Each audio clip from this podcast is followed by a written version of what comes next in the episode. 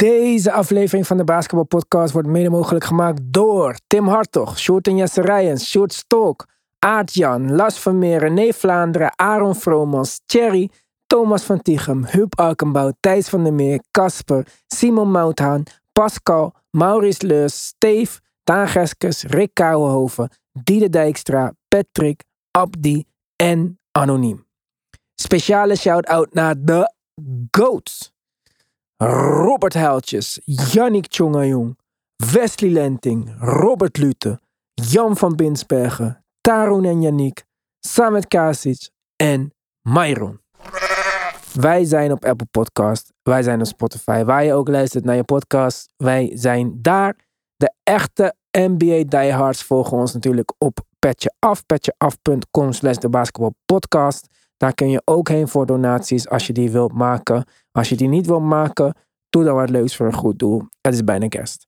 Zes podcasts per week, een groupchat vol met NBA-fans. Jij gaat niks meer missen van de NBA. Let's go!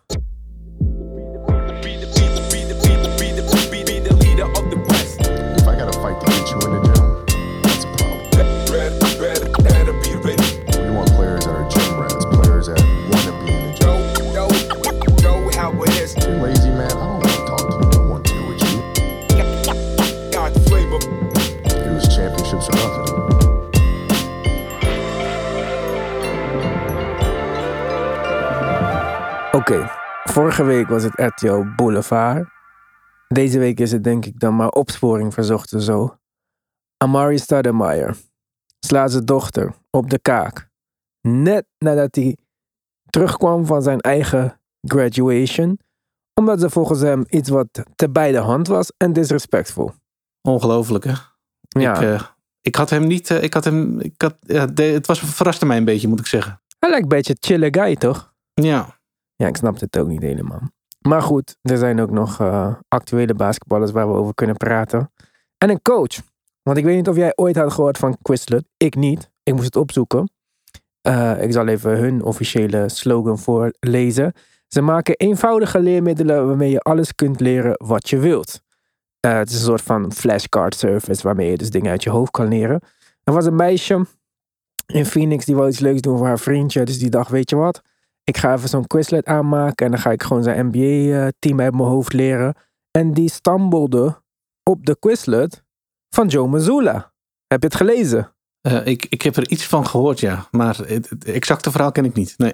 Nou ja, dus zij wou dus gewoon wat leren over basketbal. Maar ze vond dus de Quizlet van de coach van de Boston Celtics. Ja. En daarin stonden dus al zijn eh, scouting reports online. Waarschijnlijk heeft hij die gemaakt toen hij nog assistant was, wat lager op de bank. Zo had hij bijvoorbeeld over Michael Porter zeggen dat het een egoïstische speler is die altijd zelf wil scoren, jaagt op drie's en transition. En ook over Zach Levine, dat hij altijd naar zijn linkerhand gaat als hij wil drijven.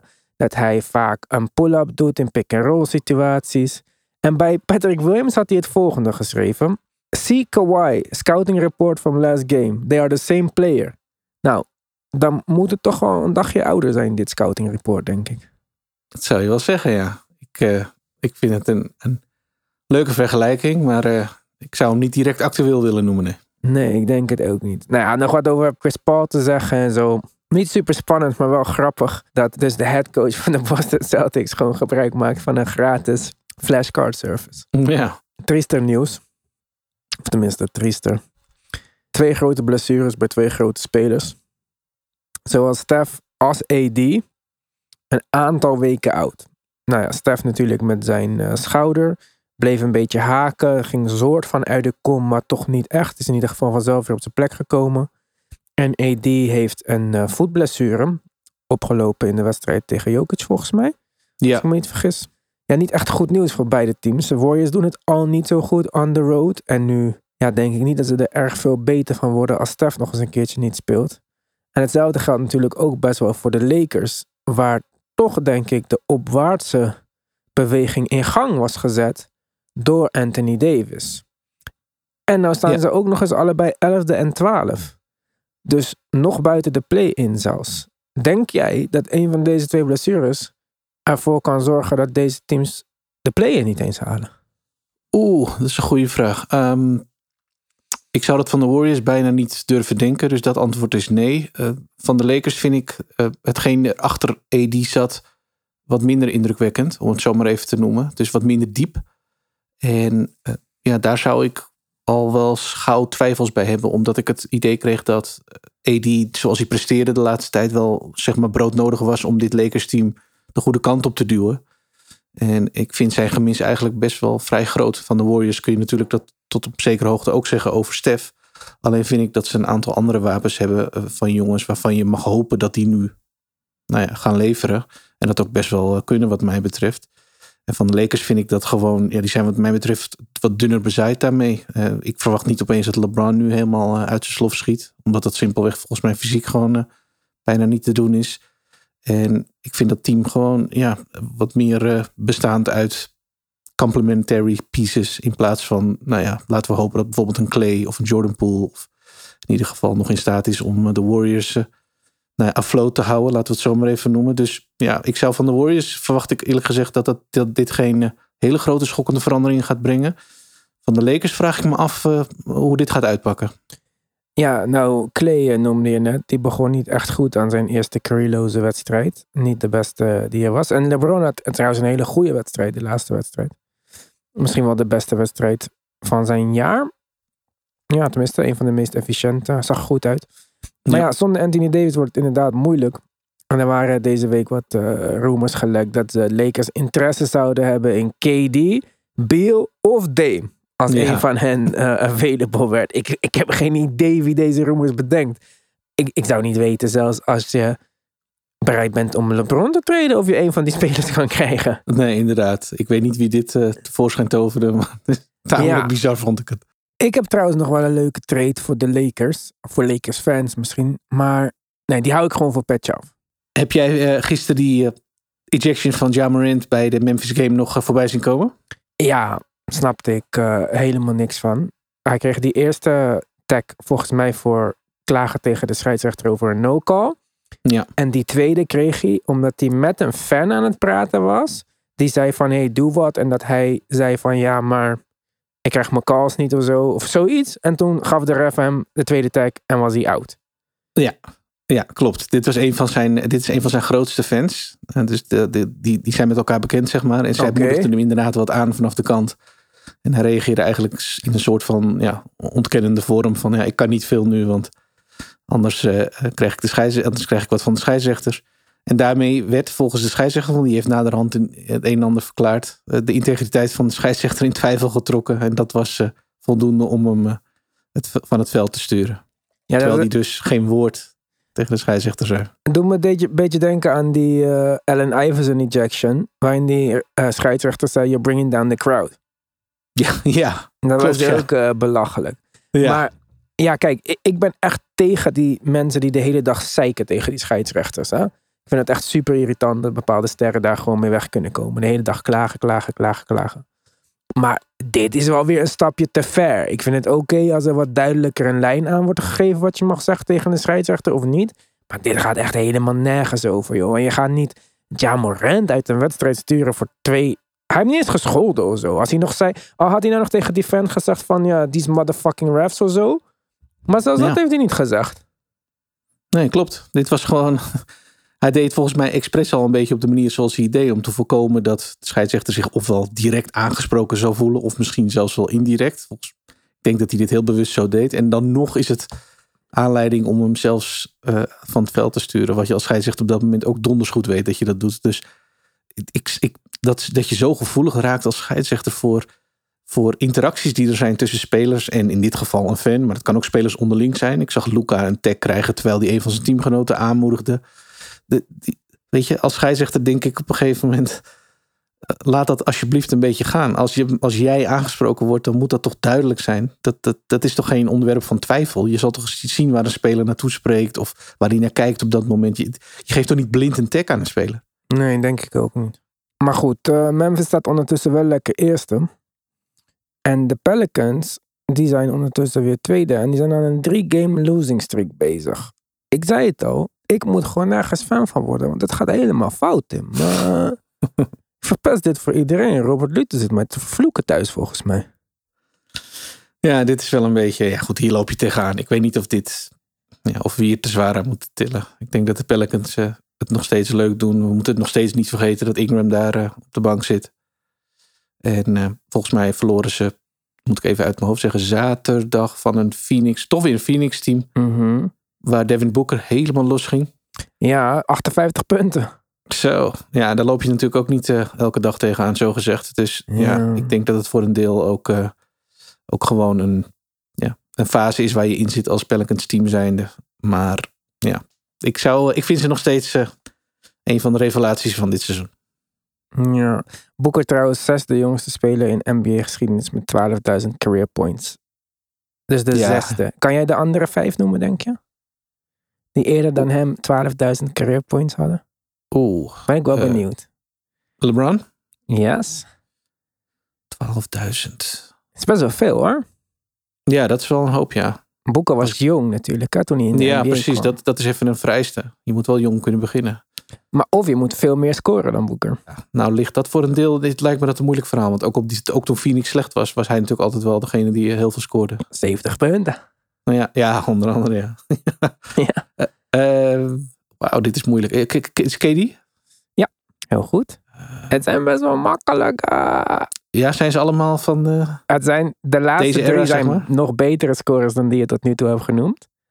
En eh, daarbij zit één speler die sowieso een van jouw favorieten is. Eentje ja, die je sowieso ook heel goed vindt. En die andere weet ik niet of je die heel goed vindt. Ze zijn alle drie niet meer actief. Oh, Maar ze zijn wel van recentelijk. Van, een- van eentje heb je de schoenen. oh ja, Tracy McGrady. Ja, Hey.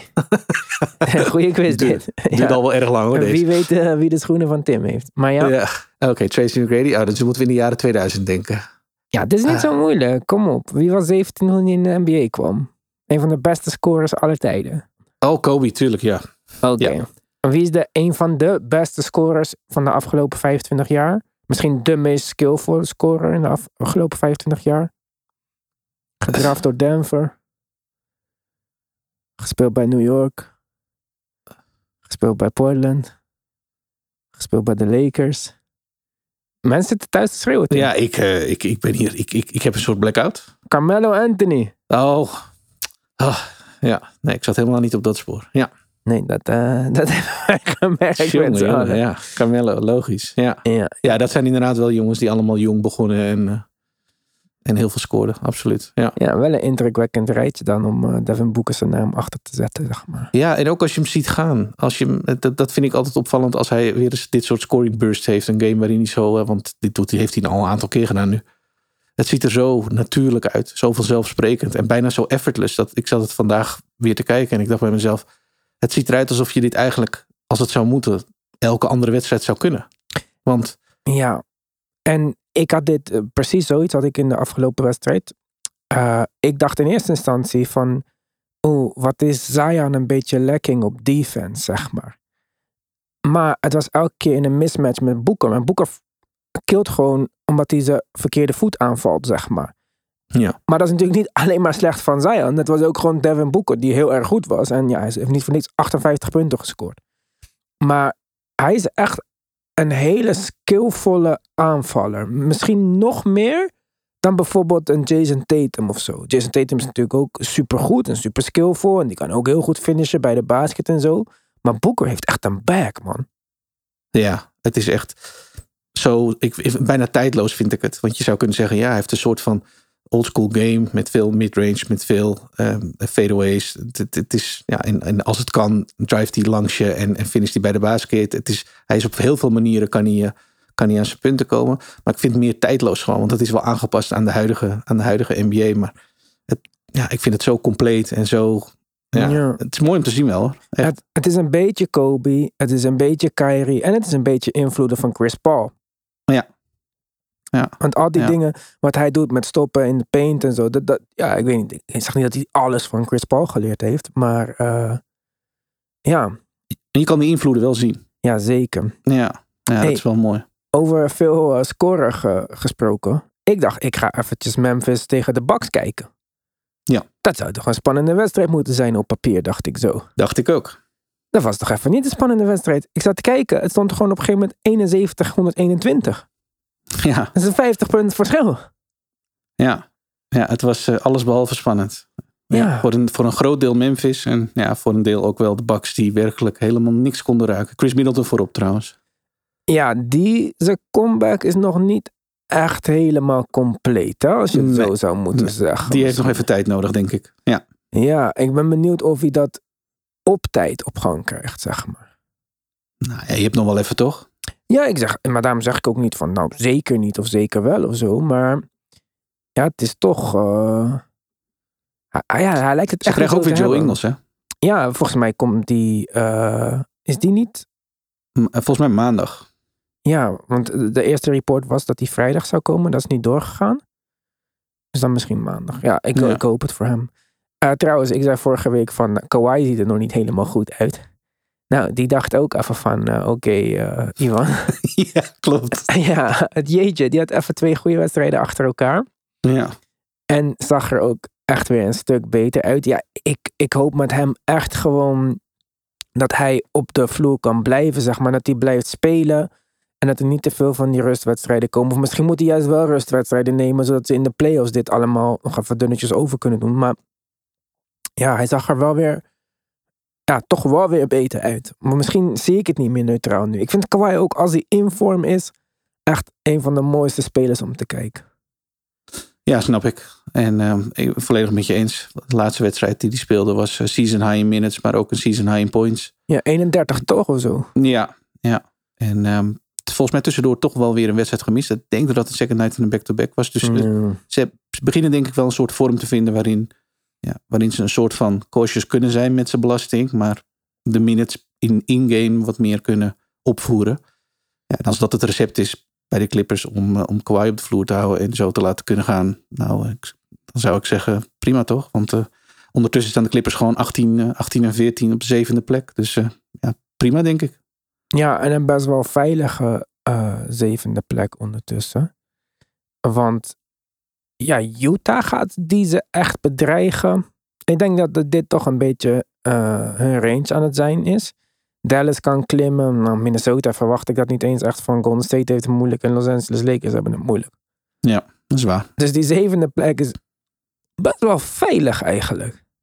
Ja, je, je zou je kunnen voorstellen dat die top 7, als we dat zo mogen noemen, dat daar een soort van ehm, scheidslijn gaat ontstaan straks. Als we over eh, bijvoorbeeld een week of vier nog een keer zouden kijken. Ja, Dat of, is niet ondenkbaar. of Dame moet weer iets aan zijn buik krijgen en dan valt Portland er buiten, zeg Ja, maar. ja. Of, eh, of Sacramento implodeert, of Dallas maakt wel opeens een run. Maar dat zijn alle drie dingen waar ik toch nu niet mijn geld op zou zetten. Nee, het, li- het ligt niet in de lijn der verwachtingen. Nee, het lijkt er toch wel op alsof, alsof er een soort van vorm begint te komen in, in die standings. Denk je dat het belangrijk zou zijn voor de Clippers om in die top 6 te komen? Ik zou het ze wel van harte willen aanbevelen, ja. Ik zou de Clippers niet extra games willen laten spelen om te komen waar ze willen komen. Ik Hmm. zou hun, als, als, als dat binnen de mogelijkheden ligt, zou ik ze willen adviseren om gewoon rechtstreeks play-offs te halen en geen play-in te hoeven spelen. Ik zie de meerwaarde voor die ploeg niet in. En ik denk dat bij elke ploeg zal zeggen, ja, als we de keuze hebben, dan, dan gaan we wel. Maar bij hun heeft het natuurlijk wel te maken met load management en dat soort zaken. Dus ik denk dat ze er in een bepaalde mate wel invloed op zullen hebben. Meer dan, meer dan andere ploegen. Ja, dan eh, lijkt, lijkt mij voor de Clippers. En dan de seeding is tot daaraan toe. Ik snap dat dat misschien Ja. niet topprioriteit heeft. het, Maar lijkt wel mij, rechtstreeks, ja. ja, het lijkt mij dat ze ook die play-in willen vermijden. En ze zijn best wel close als je zo bekijkt. Zij zijn 18 en 14. Portland is 17 en 13. Dus die kunnen het nog eh, slechter doen dan zij. Sacramento 16 en 12. Die kunnen het ook nog slechter doen. En dan vierde plaats is Phoenix. En die zijn 18 en 12. Die hebben maar twee verlieswedstrijden minder. Ja. Dus eh, op zich best wel weer eh, rooskleurig voor de Clippers. Zo zie je maar wat er in een week allemaal weer kan veranderen. Over een perceptie, weet je wel, van een team. Ja, ja. En welke invloed een, een Kawhi of een goede Kawhi of een, nou ja, een Kawhi die er in ieder geval flesjes toont van de speler die die was. Hoe belangrijk dat toch is voor een team waarvan we in het begin, aan het begin van het seizoen zeiden. Tenminste, ja, ik, ik voorop hoor. Ik, eh, dat is een van de missers geweest. Hoe diep is dat team wel niet? Hoeveel goede Mhm. pieces heeft dat team wel ook, niet? Ja, dus- ze zijn toch gewoon toch nog erg afhankelijk van een speler als Kawhi. Ja, en maar Pa- eh, Paul George speelt ook niet deze wedstrijd. Hè? Nee, dat maakt natuurlijk ook wel een hoop verschil. Want die is ook, was ook goed bezig dit seizoen. Ja, dus het zit wel allebei dan tegelijk niet helemaal mee. Of Ja. juist een beetje tegen, maar net hoe je het bekijkt. Maar ik denk dat er gewoon wat meer ruimte is voor de Clippers. Ja, om, om iets met een line-up te doen of zo. Want om elke keer om de wedstrijd een speler te missen. Oké, als je met Kawhi weet dat het eraan zit te komen. Maar dan de laatste tijd zie ik hier opeens Robert Covington. Weet je, dan misschien toch meer een tipsachtige aanpak van laten we het even wat kleiner maken allemaal. Ja, voor een deel is dat denk ik ook gegeven de omstandigheden. Want wij noemen altijd wel PG en, en Kawhi. Maar ze hebben er daar meer die in en de line-up zijn. Luke Kennard heeft er lang naast gestaan. En Norm Powell is volgens mij nog altijd eh, geblesseerd. Ehm, dus het, is voor een groot deel ook gewoon ja, shuffelen wat hij aan het doen is. En ja, zorgen dat je een, een beetje een rotatie vindt met de, met de spelers die beschikbaar zijn. Voor een, voor een groot deel van de avonden komt het daar voor, voor coach Ty Lue eh, toch wel vaak op neer hoor. Ja. Hey, over shuffelen gesproken. De Mavericks shuffelde zomaar even Kemba Walker in de starting line-up. ja. En die eh, scoort na twee jaar niet spelen even 32 punten of zo. Ja, ja, ja, ja. Zijn knieën hebben misschien genoeg rust gehad of eh, zijn genoeg aangesterkt. Maar eh, ja, dat deed hij wel even leuk. In, bij afwezigheid van Luca en Spencer Dinwiddie dacht ik, nou, misschien kunnen we deze game alvast even doorkruisen. Maar maakt hij het toch wel heel erg spannend nog, Ja, Kemba. echt hè. Ik Ja. vond het wel leuk om te zien, want er is niks mis met hem. En dat hij bij New York mislukt is tussen aanhalingstekens, dat wil eigenlijk helemaal niet zoveel zeggen over hem. Dat zegt Nee, wat over nee, New nee, York. nee. Ik, ik vind bij Kemba ligt het voor een groot deel aan zijn fysiek. Niet aan de speler die die is of de mogelijkheden die hij heeft. Je ziet als hij gewoon kan bewegen. Zeker op aanvallend vlak. Ja, het is gewoon een prima speler om erbij te hebben. En zoals ja, we nu gezien hebben, kan hij ook gewoon, eh, gewoon nog wel uitblinken. Ja, maar Kid dacht ook, laat ik hem gewoon even gelijk 40 minuten spelen. Ja, en je kan je afvragen of dat verstandig is. Sowieso maakt Kit beslissingen waarvan sommige wenkbrauwen toch al wel weer, eh, weer gaan fronsen. En, eh, en ja, dit is er in mindere mate, zou dit er één van kunnen zijn. Hij moest natuurlijk wat met, eh, met Spencer Dinwiddie en Luca op de bank. Maar goed, leuke mogelijkheid voor Kemba. En ik denk des te leuker dat hij het, dat hij het zo invulling geeft. Want ja, hij was, ik vind het opvallend dat hij meteen zo belangrijk was. Hij was in de slotfase ook degene naar wie ze keken met de bal in zijn handen. Ja. dacht ik, ja, dat, ja, ik weet niet of ik daar nou zo per se heel van blij van moet worden. Maar ja, maar wie moest het anders doen deze wedstrijd? Theo ja, nee, dat is, dat is de vraag. Ja, Christian Wood uiteindelijk eh, nam, dat, eh, nam het allerlaatste schot. Maar eh, ja, nee, klopt. Ze zijn te afhankelijk van playmaking. Het is maar weer duidelijk geworden. Er, Ja. er is te weinig playmaking daar. Maar je noemt nou Christian Wood en die startte ook in deze wedstrijd. Ja. Vind ik dan ook weer op zich een rare beslissing. Kijk, alles wat Kid, jij zei net, Kid neemt af en toe uh, wenkbrauwfronsende beslissingen. Zoiets. Ja. Maar in deze wedstrijd stelt hij dus dan Kemba op. Christian Wood staat in de basis. En deze wedstrijd is heel veelzeggend voor mij. Want Christian Wood deed het dus gewoon goed. 14 rebounds, 2 steals, 2 blocks, punten.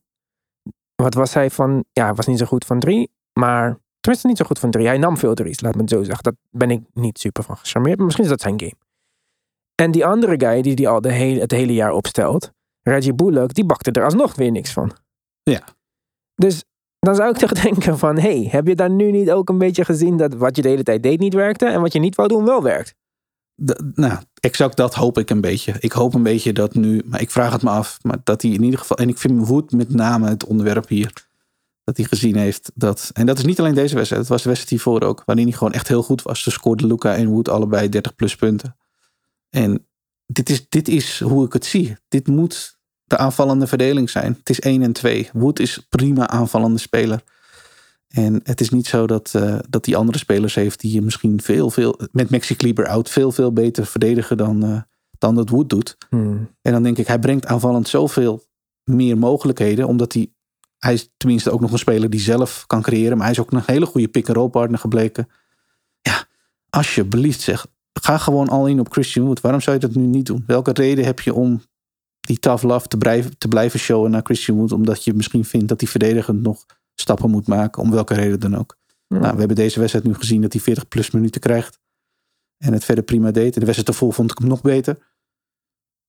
Laat het, ik hoop het tenminste, dat het de start is van gewoon meer minuten voor, eh, voor Wood. Misschien zelfs wel een startingplek, want wat mij betreft verdient hij die. Yes. Gaan we verder met eh, een andere, een van, eh, een van mijn favoriete spelers. Ik ben een van de spelers who changed the game of basketball. Quote, James Harden. Nou, Ja. ik denk het niet. het enige wat jij hebt gedaan is fouten uitlokken en lopen.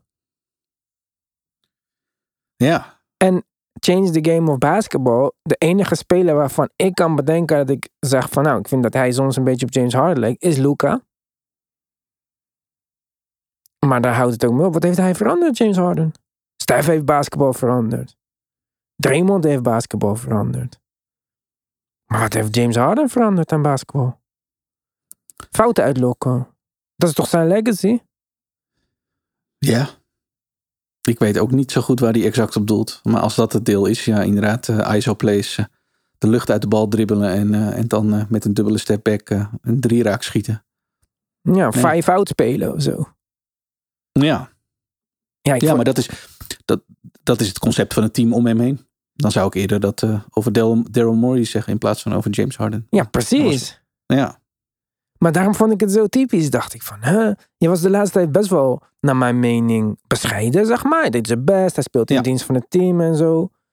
Maar, eh, ja, nu dat je zo... Ja, ik, ik weet niet, ik zag het even niet aankomen of zo. Ik heb me een beetje verrast met deze uitspraak op dit moment.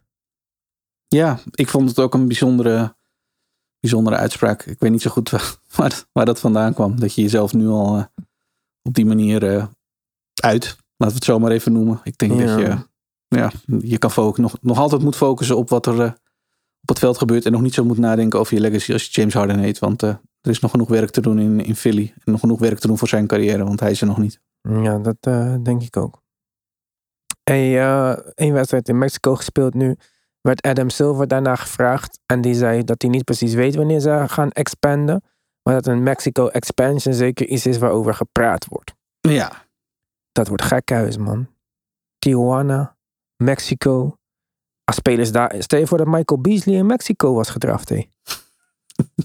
Zo, gekhuis. ja. ja, het schijnt een fantastische stad te zijn. Als, als Lamar Odom in eh, Tijuana was gedraft, dan was het één dag carrière en dan eh, hetzelfde eindresultaat. Op de vloer van een hoerenhuis met veel cocaïne. Ja, ja, er zullen een aantal spelers zijn die misschien niet helemaal geschikt zijn om daar eh, een succesvolle carrière tegemoet te gaan. Ja, op het basketbalveld dan. Echt, hè? Ja, Ja, ik Ja. weet niet eh, of dit nou echt eh, het beste plan aller tijden is. Volgens mij is er best wel veel geweld in Mexico deze dagen.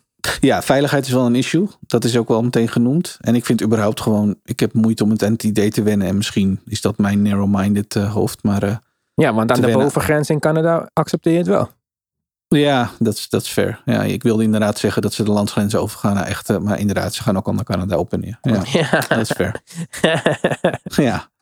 ja, ik weet niet. Misschien zie ik, Mex- ja, misschien zie ik Canada en Amerika dan ja, als, als meer van hetzelfde. En Mexico echt iets anders. Andere cultuur, andere ja, is goed Donald omgeving. Trump. Maar ja, goed. Los van de veiligheid denk ik inderdaad dat het... eh, het ze schijnen enorm aan de, aan, aan de weg te timmeren daar om een expansion mogelijk te maken. Ja, Ja, ik ben benieuwd, man. Of zich zou het Ja. wel gekhuis zijn. En die outgame zou wel echt een zieke homecourt advantage zijn, denk ik. ja. echt wel. Ja. Anders is natuurlijk echt wel best wel een ander leven. En volgens mij is Mexico City ook best wel hoog, net als Denver. Volgens mij ligt het ook vrij hoog. Ja, klopt. dus dat Ja. wordt wel echt interessant. Hey, eh, nog meer interessante dingen, maar die bespreken we verder op Petje Af. Waar wij natuurlijk te vinden zijn zes dagen per week. Petjeaf.com slash de basketbalpodcast. Voor vandaag eh, zijn we klaar, of niet Tim? Ja. Nou, goed. Dan zien we, of jullie zien ons weer online verschijnen in de lijst. Waarin je ons volgt natuurlijk, want je volgt ons op Spotify of op Apple Podcast. En als je ons daar volgt, kun je ons dan alsjeblieft een 5-star rating geven en een mooie review achterlaten. Dan help je ons weer een beetje zichtbaarder te worden in die algoritmes. Dat zou eh, mooi meegenomen zijn. Tot de volgende keer.